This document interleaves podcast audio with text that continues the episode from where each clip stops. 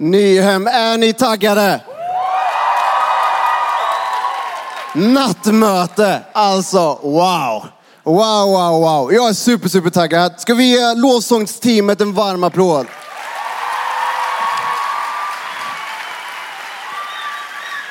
Det är ju någonting att börja ett möte med lovsång, eller hur? Det är som att det förbereder liksom allt annat som kommer komma efteråt. Så stort, stort tack lovsångsteamet. Fantastiskt. Fame Benell heter jag. Eh, ja, nästan inte oh, på det. Eh, Fame Benell heter jag. Jag är 25 år. Jag är 25 år gammal, gift med min fantastiska fru Linnea Obinell. Front road baby.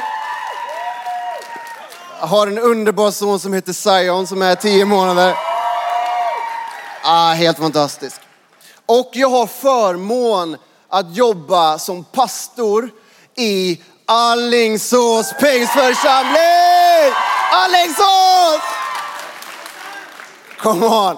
Vi är ett helt gäng här. Eh, sen där också, det är bra.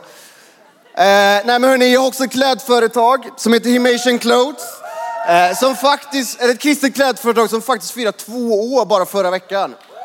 Eh, ja, det är värt också en applåd.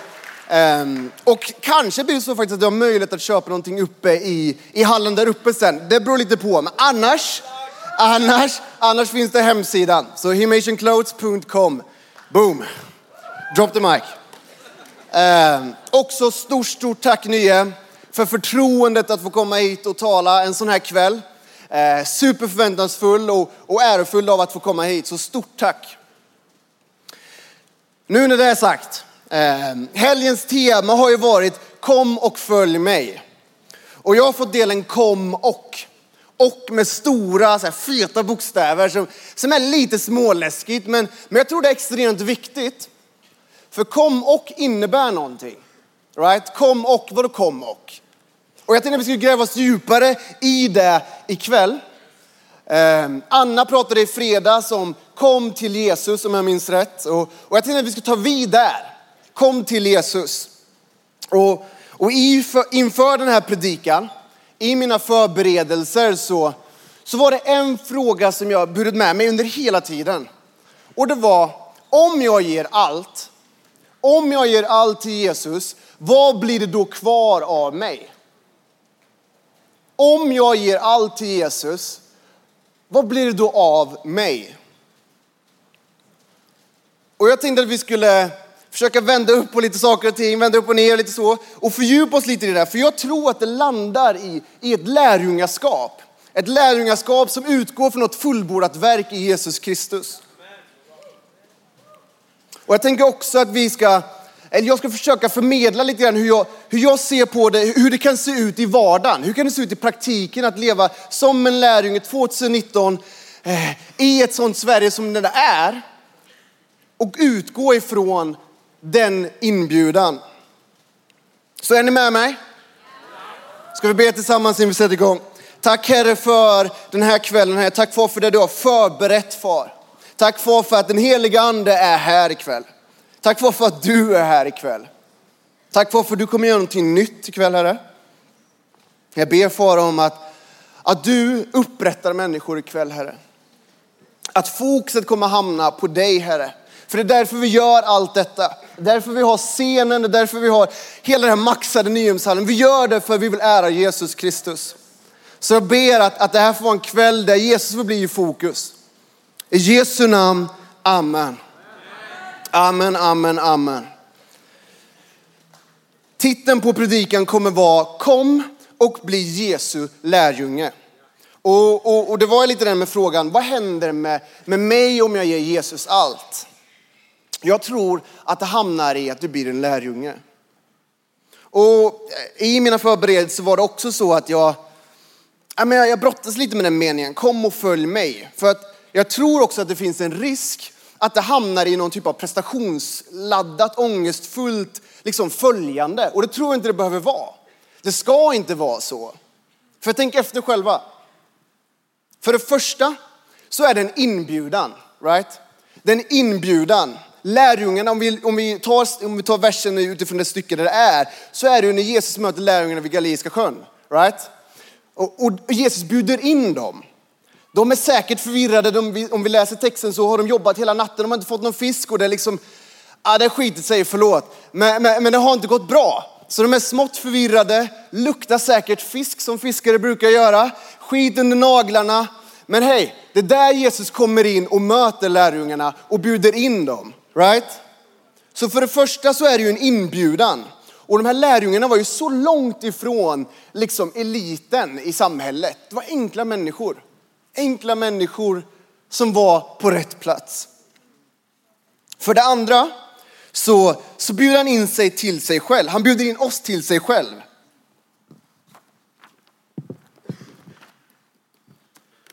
Och med det sagt, han bjuder in oss till sig själv. Så är det så att inbjudan vilar på någonting fullbordat. För han bjuder in sig till sig själv. Till ett fullbordat verk, det han har gjort för oss på Golgata kors. Right? Jesus, Guds son, behöver inte kompletteras.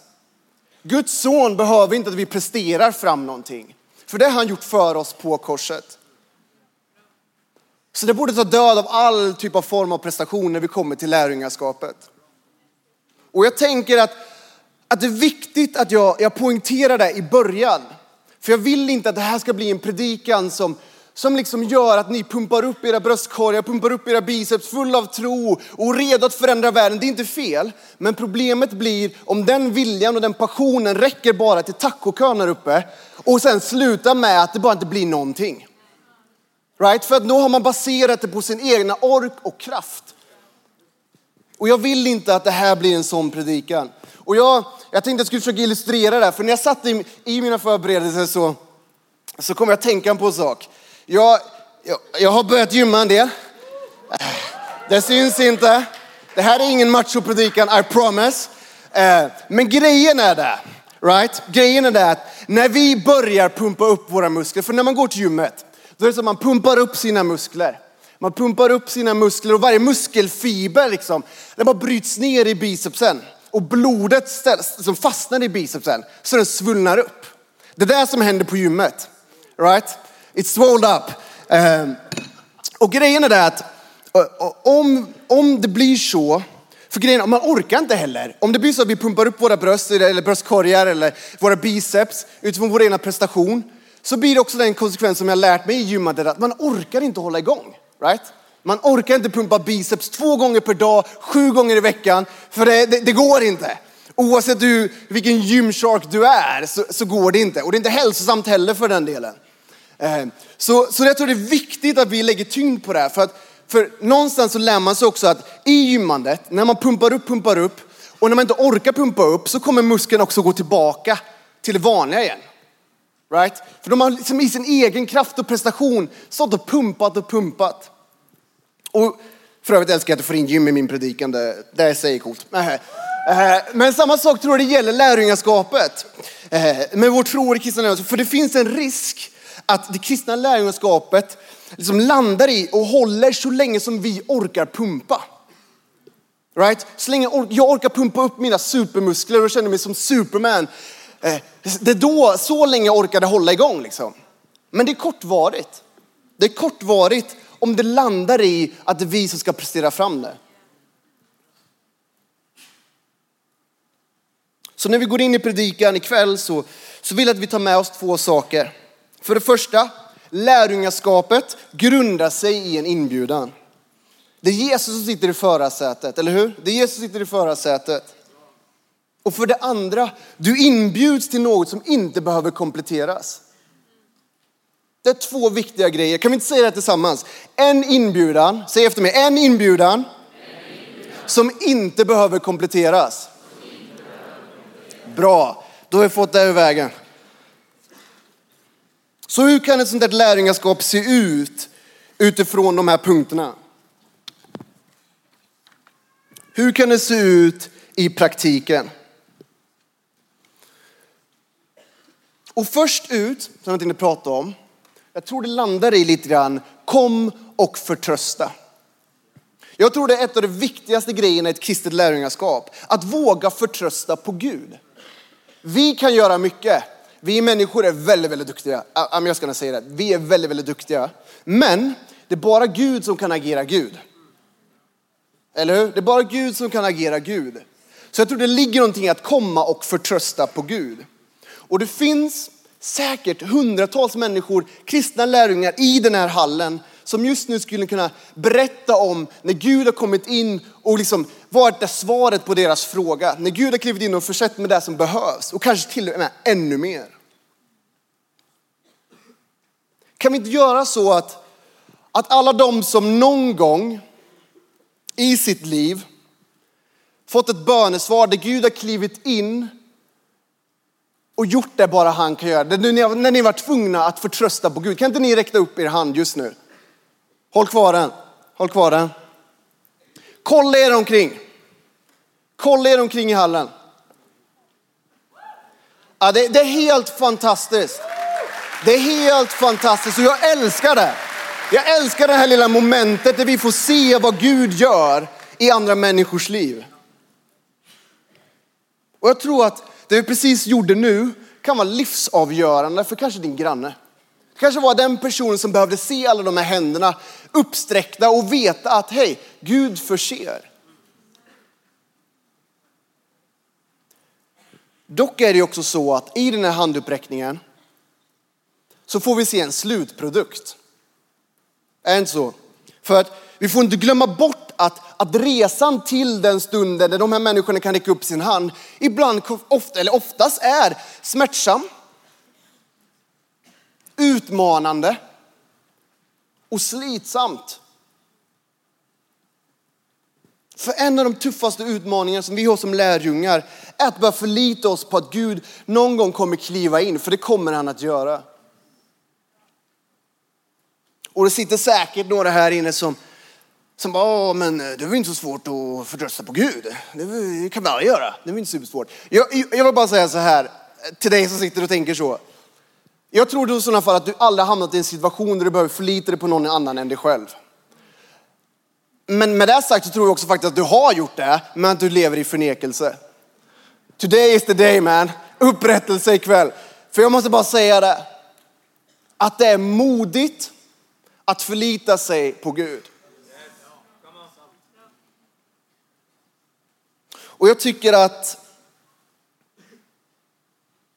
att Mose pratar om det här på ett väldigt bra sätt. Vi kan läsa om Mose i Bibeln där, där, där någonstans han tvingas förlita sig på Gud i stora utmaningar. Israel, för de som inte har koll på vem han är i Bibeln, så, så är det den man som, som faktiskt tvekade på sitt ena ledarskap. Som befriar Israels folk från Egypten och slaveriet i gamla testamentet. Och de var tvungna, eller Mose var tvungen att förlita sig på det Gud hade lovat. Och vi kan läsa om i, i andra Mosebok kapitel eh, 13, vers 21 att Gud ger dem ett löfte. Efter slaveriet, de har lämnat liksom Egypten och, och Gud lovar dem att, ja men vad bra, att han ska gå med dem, gå framför dem. Gud lovar att vara med dem dagen och natten som en månpelare och en eldpelare. Så de visste vart de skulle gå. De var tvungna att lita och förtrösta på det löftet. Men blev resan lätt för det tror ni? Är det kristna lärjungaskapet lätt för det? Är ett löfte lika med lätt? Jag tror inte det. Jag tror inte det när jag läser Bibeln.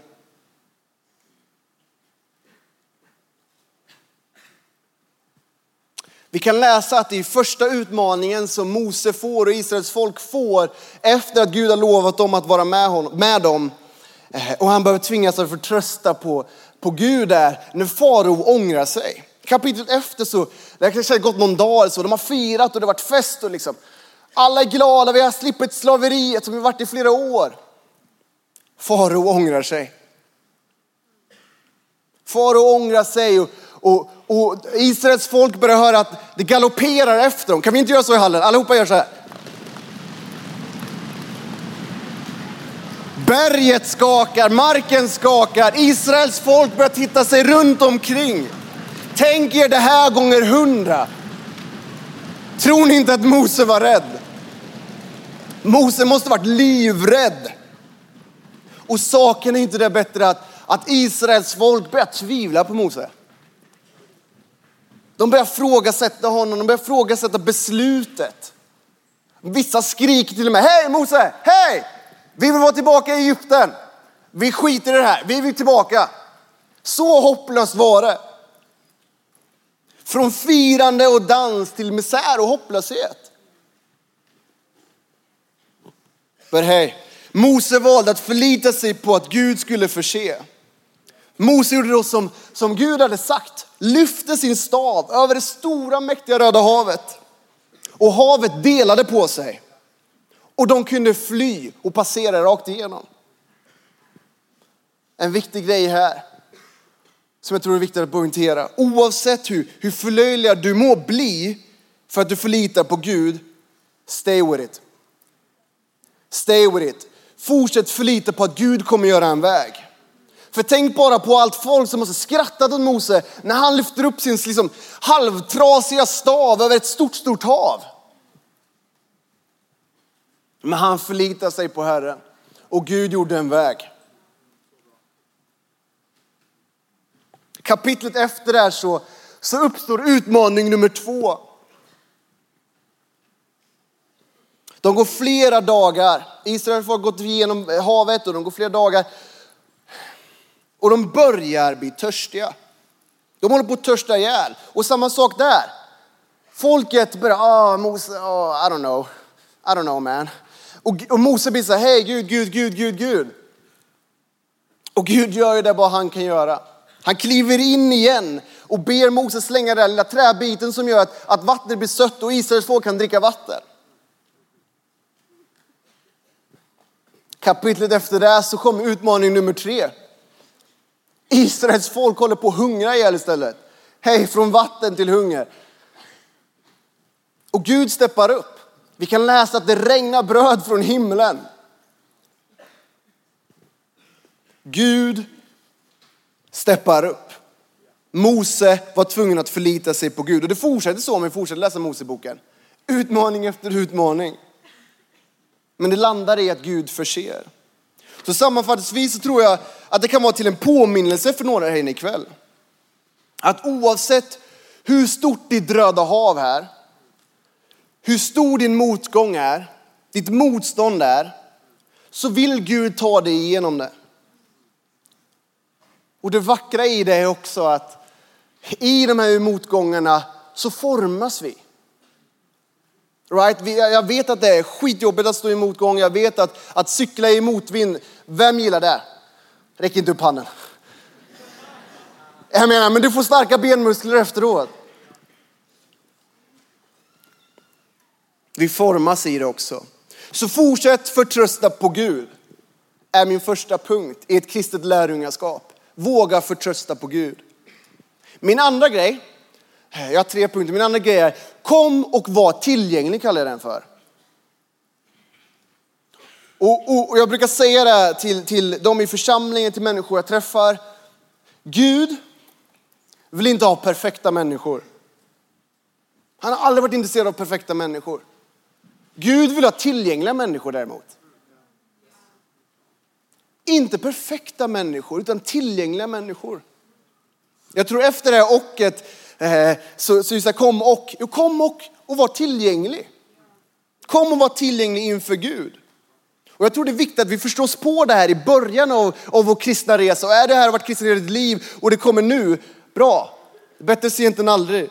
För, att, för då lägger vi en grund, en sund grund som inte baseras på hur perfekta vi är som människor. Utan det grundar sig på att vi är tillgängliga inför Gud. Gud vill inte ha perfekta människor, utan han vill ha tillgängliga människor. Och det bästa av allt, om, om du gör dig tillgänglig inför Gud så kommer du också se förändring i ditt egna liv och i andra människor runt omkring dig. Till det bättre. Och kolla bara, jag tänker, en bibelberättelse, jag gillar att gå till Bibeln. Jag gillar att stöta, stöta, stå rygg på Bibeln. En bibelberättelse som beskriver det här är Ester. Ester är en fantastisk gudskvinna. Och min bön är att, att jag ska få lite så, en, en droppe av hennes mod i mitt egna liv. Sammanfattningsvis för de som inte har läst Esters bok så, så handlar det om att, att Ester då är en judisk flicka som under kung, och det här, Asherveros, jag har så svårt med uttalet, förlåt, i Persien oavsett. Hon är en liten flicka, en judisk flicka som flyr till Persien och blir kung där, eller drottning där, förlåt, drottning där, förlåt Ester, drottning. Hon blir drottning där efter dåvarande drottningen vägrar att lyda kungen. Hennes föräldrar kan vi läsa om blev dödade. Och hon adopterades därför av sin kusin Mordecai som, hon, som han tog med till Persien. En parentes på det är, eh, tänk er bara de förutsättningarna som Ester hade. Att tidigt förlora båda sina föräldrar. Sin mamma och pappa. Fly sin trygghet i, i Israel i, och, och, och landa i ett annat land. I mina förberedelser tänkte jag mycket på, på flyktingvågen när människor kommer hit, kanske utifrån samma förutsättningar. Föräldrarna är döda, de ligger någonstans, de har inte koll på vart de är. Och de kommer till ett annat land. Och det hindrar ju inte Gud att använda de människorna ändå. Så låt inte dina omständigheter begränsa dig. Gud kan göra en, en liten judisk föräldralös flicka till drottning över en hel nation. Den sån Gud vi tillber, hallå, den sån Gud vi tillber. Ingenting är omöjligt för Ester, eller för Gud. Så mycket gillar jag inte Ester. Ingenting är omöjligt för Gud. All right, berättelsen fortsätter också ah, och Ester Eh, i sitt mod gör sig tillgänglig för Gud, förhindrar att hela Israels folk utplånas i ett stort folkmord av den onde Haman som har planerat det. Ester förändrar saker och ting genom Guds kraft. Genom att hon gör sig tillgänglig inför Gud. Och jag älskar vad Ester säger i kapitel 4, vers 16. Det står så här, gå och samla alla judar som finns i Sudan och håll fasta för mig. Därefter ska jag gå in till kungen. Och det här är olagligt, hon gör någonting som hon inte ska göra. Hon liksom offrar sitt ena liv för det här. Hon säger, är jag förlorad så är jag förlorad. Är jag förlorad så är jag förlorad. Och vi frågar oss i början av min predikan, vad händer om jag ger allt till Jesus? Vad blir det då av mig? Om jag ger hela mitt liv till Jesus, om jag ger mig hela mitt liv till Gud, vad händer med mig då? Jag tror du blir en Guds kvinna som Ester. En Guds man som Mose. En kristen lärjunge till Jesus. Och, och, jag säger inte det, och jag, absolut, jag betonar, jag vill betona det. Jag säger inte att lärjungaskapet inte är läskigt. Eller att Ester och Mose inte var rädda. För det var de säkert. Men med det sagt så är det också viktigt att betona att som kristen är du inte längre slav under rädsla. Du är inte längre slav under ångesten. Jag vet själv vad jag pratar om just nu. Att ångesten kliver in. Vi, vi är inte slavar under ångest eller rädslan. Varför? Jo, för Jesus har tagit det på korset för oss. Och det är en stor, stor skillnad. De finns där, absolut. Rädsla finns där, absolut. Ångest finns där, absolut. Men vi är inte längre slavar under det genom Jesus Kristus och vad han gjorde på korset för oss. Amen. Amen. Tack. Jag läste en bok av författaren Rick Warren och han, och han sammanfattar det hela så bra när det kommer till tillgängligheten inför Gud. Och han använder sig av av surfing, eller surfing är det ju på svenska, jag ska sluta prata engelska. Surfing använder han sig av. Och han säger så här. Surfing är konsten att rida på vågor som Gud har skapat. Surfarna bara rider på dem. Surfen är konsten att rida på vågorna som Gud har skapat. Och det jag försöker säga är att, att, att, att Gud kommer skapa tillfällen för dig, möjligheter för dig att surfa på den våg som han skapat för dig. För det är sån han är. Det är sån han är och han kommer alltid vara en sån person, en sån Gud. Men det är upp till oss ifall vi vill stå tillgängliga när det sker. Jag tänker hålla fast vid bilden av surfing för den är väldigt bra. För skillnaden med en duktig och en dålig surfare. Duktiga surfare, Eh, en sån grej. Duktiga surfare också så här. När inte den här drömvågen kommer, när inte möjligheten kommer, när inte det här kontraktet kommer, eller vad du nu vill eh, måla upp för bild för möjligheter och tillgänglighet inför Gud. När inte de kommer, och surfare, om vi fortsätter i den bilden, surfare, de, de, de går inte ner till stranden och står och plaskar liksom att, ja men kom igen nu vågen, kom igen nu vågen, kom igen nu vågen. De försöker inte skapa sin egna våg. Eller hur? Surfare skapar aldrig sin egna våg. Det är så det är. Om ni inte har surfat förut så youtuba. Men skillnaden mellan, mellan duktiga och dåliga surfare är att, att en duktig surfare alltid är tillgänglig. Alltid är redo. Som scouterna, alltid redo. När en våg kommer och när en våg närmar sig. Och det här är bra. De är tillgängliga och redo oavsett ifall det innebär att surfa i stormen. Det kommer komma bra vågor i ditt liv. Se till att vara tillgänglig.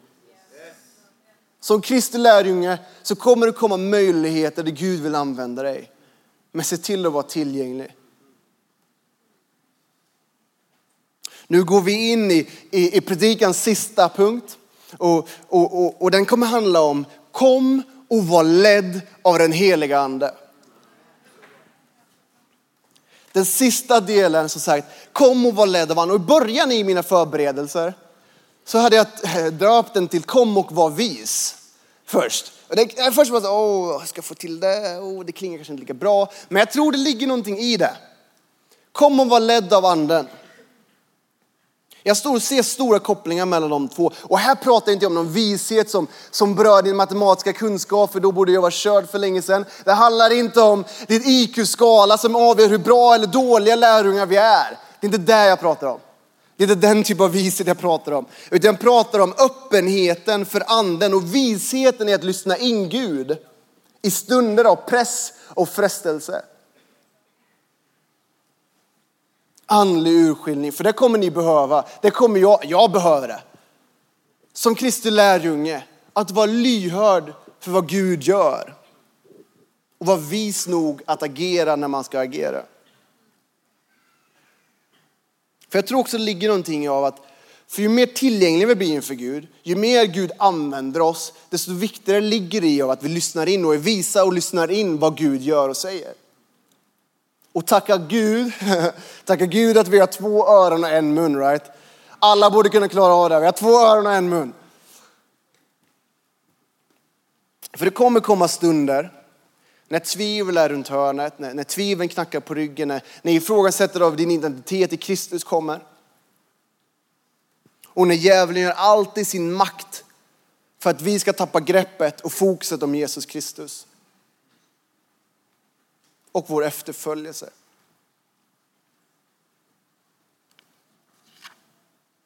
Och det är lite som att äh, djävulen drar sig per automatik till människor som, som väljer att förtrösta på Gud och som är tillgängliga för honom. Det är som att han, han, han måste dit, han måste dit och göra någonting. Han måste dit och förstöra.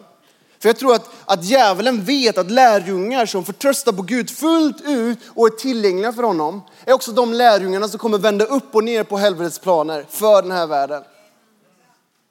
Han vet det. Han vet att de människorna, de lärjungarna som väljer att följa och fullt ut förtrösta på Gud är de som kommer förändra saker och ting. Och det är något, that's some powerful stuff in that.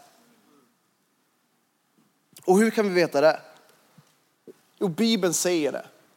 Bibeln säger det så många gånger. Och vi kan kolla bara på Jesus som ändå vår förebild, vår role model. Jesus, när han frestas av djävulen. I Matteus kapitel 4, vers 1-11. Du kan vi läsa om, om djävulen, grekiska diabolos tror jag det heter, eh, som betyder att, att liksom skingra, förvirra. kasta isär. Och han försöker göra allt i sin makt för att Jesus ska tappa greppet om att det är Gud som förser. Och att det är Gud han tillber och följer. Och en intressant analys i det är också att, att djävulen, han är smart, han kommer i stunder när vi är trötta, när vi är hungriga. Här är Jesus hungrig. Han har fastat, han är hungrig. Han har behov. Och då är djävulen där. Han använder sig till och med av Guds egna ord. Han är smart. Om ni inte visste det så är djävulen väldigt smart. Men han är inte den som har segrat, eller hur? Han är inte den som har segrat. Vi kan läsa, eh, ni kommer få det här bak, men jag, jag tänker lägga fokus på när de, när de snackar med varandra. Eh, och djävulen säger det direkt. Om du är Guds son så befall de här stenarna att bli bröd. Jesus var hungrig. Jesus svarar genom att säga, hej, det står skrivet att människan lever inte bara av bröd utan av varje ord som utgår från Guds mun. Han vänder sig och förtröstar på Gud ännu en gång. Djävulen fortsätter och säger, om du är Guds son, förvirringen igen, så kasta dig ner, alltså från tempelmuren i Israel. Det står ju faktiskt skrivet, säger han. Han ska befalla sina änglar och de ska bära dig på sina händer så att du inte stöter din fot mot någon sten. Jesus sa då, det så skriver att du inte ska fresta Herren din Gud. Djävulen gör ett sista försök och han kryddar till det enormt. Han kryddar till det enormt och han säger det, han eh, börjar med att ta Jesus högt upp på bergen och visar honom alla riken i världen, alla nationer och säger allt detta vill jag ge dig, men bara om du faller ner och tillber mig. Med andra ord säger djävulen, du kommer bli liksom kungars kung på riktigt. Jesus säger då, gå bort från mig Satan. Stay away. För det står skrivet att Herren din Gud ska du tillbe och endast honom ska du tjäna, endast honom ska du följa. Och då lämnade djävulen honom. Och, hans, och änglarna kom och, och betjänade honom kan vi läsa. Det Jesus lär oss här att, är att vi behöver vara visa och lyhörda för anden. Att vara lärjunge till Jesus är inte ett lätt levnadssätt. Jag säger inte det återigen. Utan till och med kommer det vara många gånger där du, du faktiskt gör Faderns vilja. Och djävulen ändå är där. Och knackar på din dörr, eller på din rygg, eller på din dörr, eller vilken metafor du vill. Han kommer vara där även fast det gör Guds vilja. It make no sense. Men djävulen vill göra allt i sin makt. Och de dagar när du inte orkar, det kommer komma sådana dagar, jag lovar. Varje människa här inne har de dagarna när, när det inte går som planerat. När frestelsen är där och den är för tung. Då vill jag bara säga det att det finns ingen självfördömelse i Kristus. Det finns ingen självfördömelse. Och jag säger inte att utnyttja nåden, gör vad ni vill, lev som vildingar. Det är inte det jag säger. Ni mår inte bra av att leva på det här sättet. Men de dagar när ni inte orkar, de dagar när ni faller, så ha ingen självfördömelse. För det finns ingen självfördömelse i Kristus. Varför? Eftersom våra liv som lärjungar baseras inte på vår prestation utan på hans. Det är därför vi kan säga det finns ingen självfördömelse i Kristus.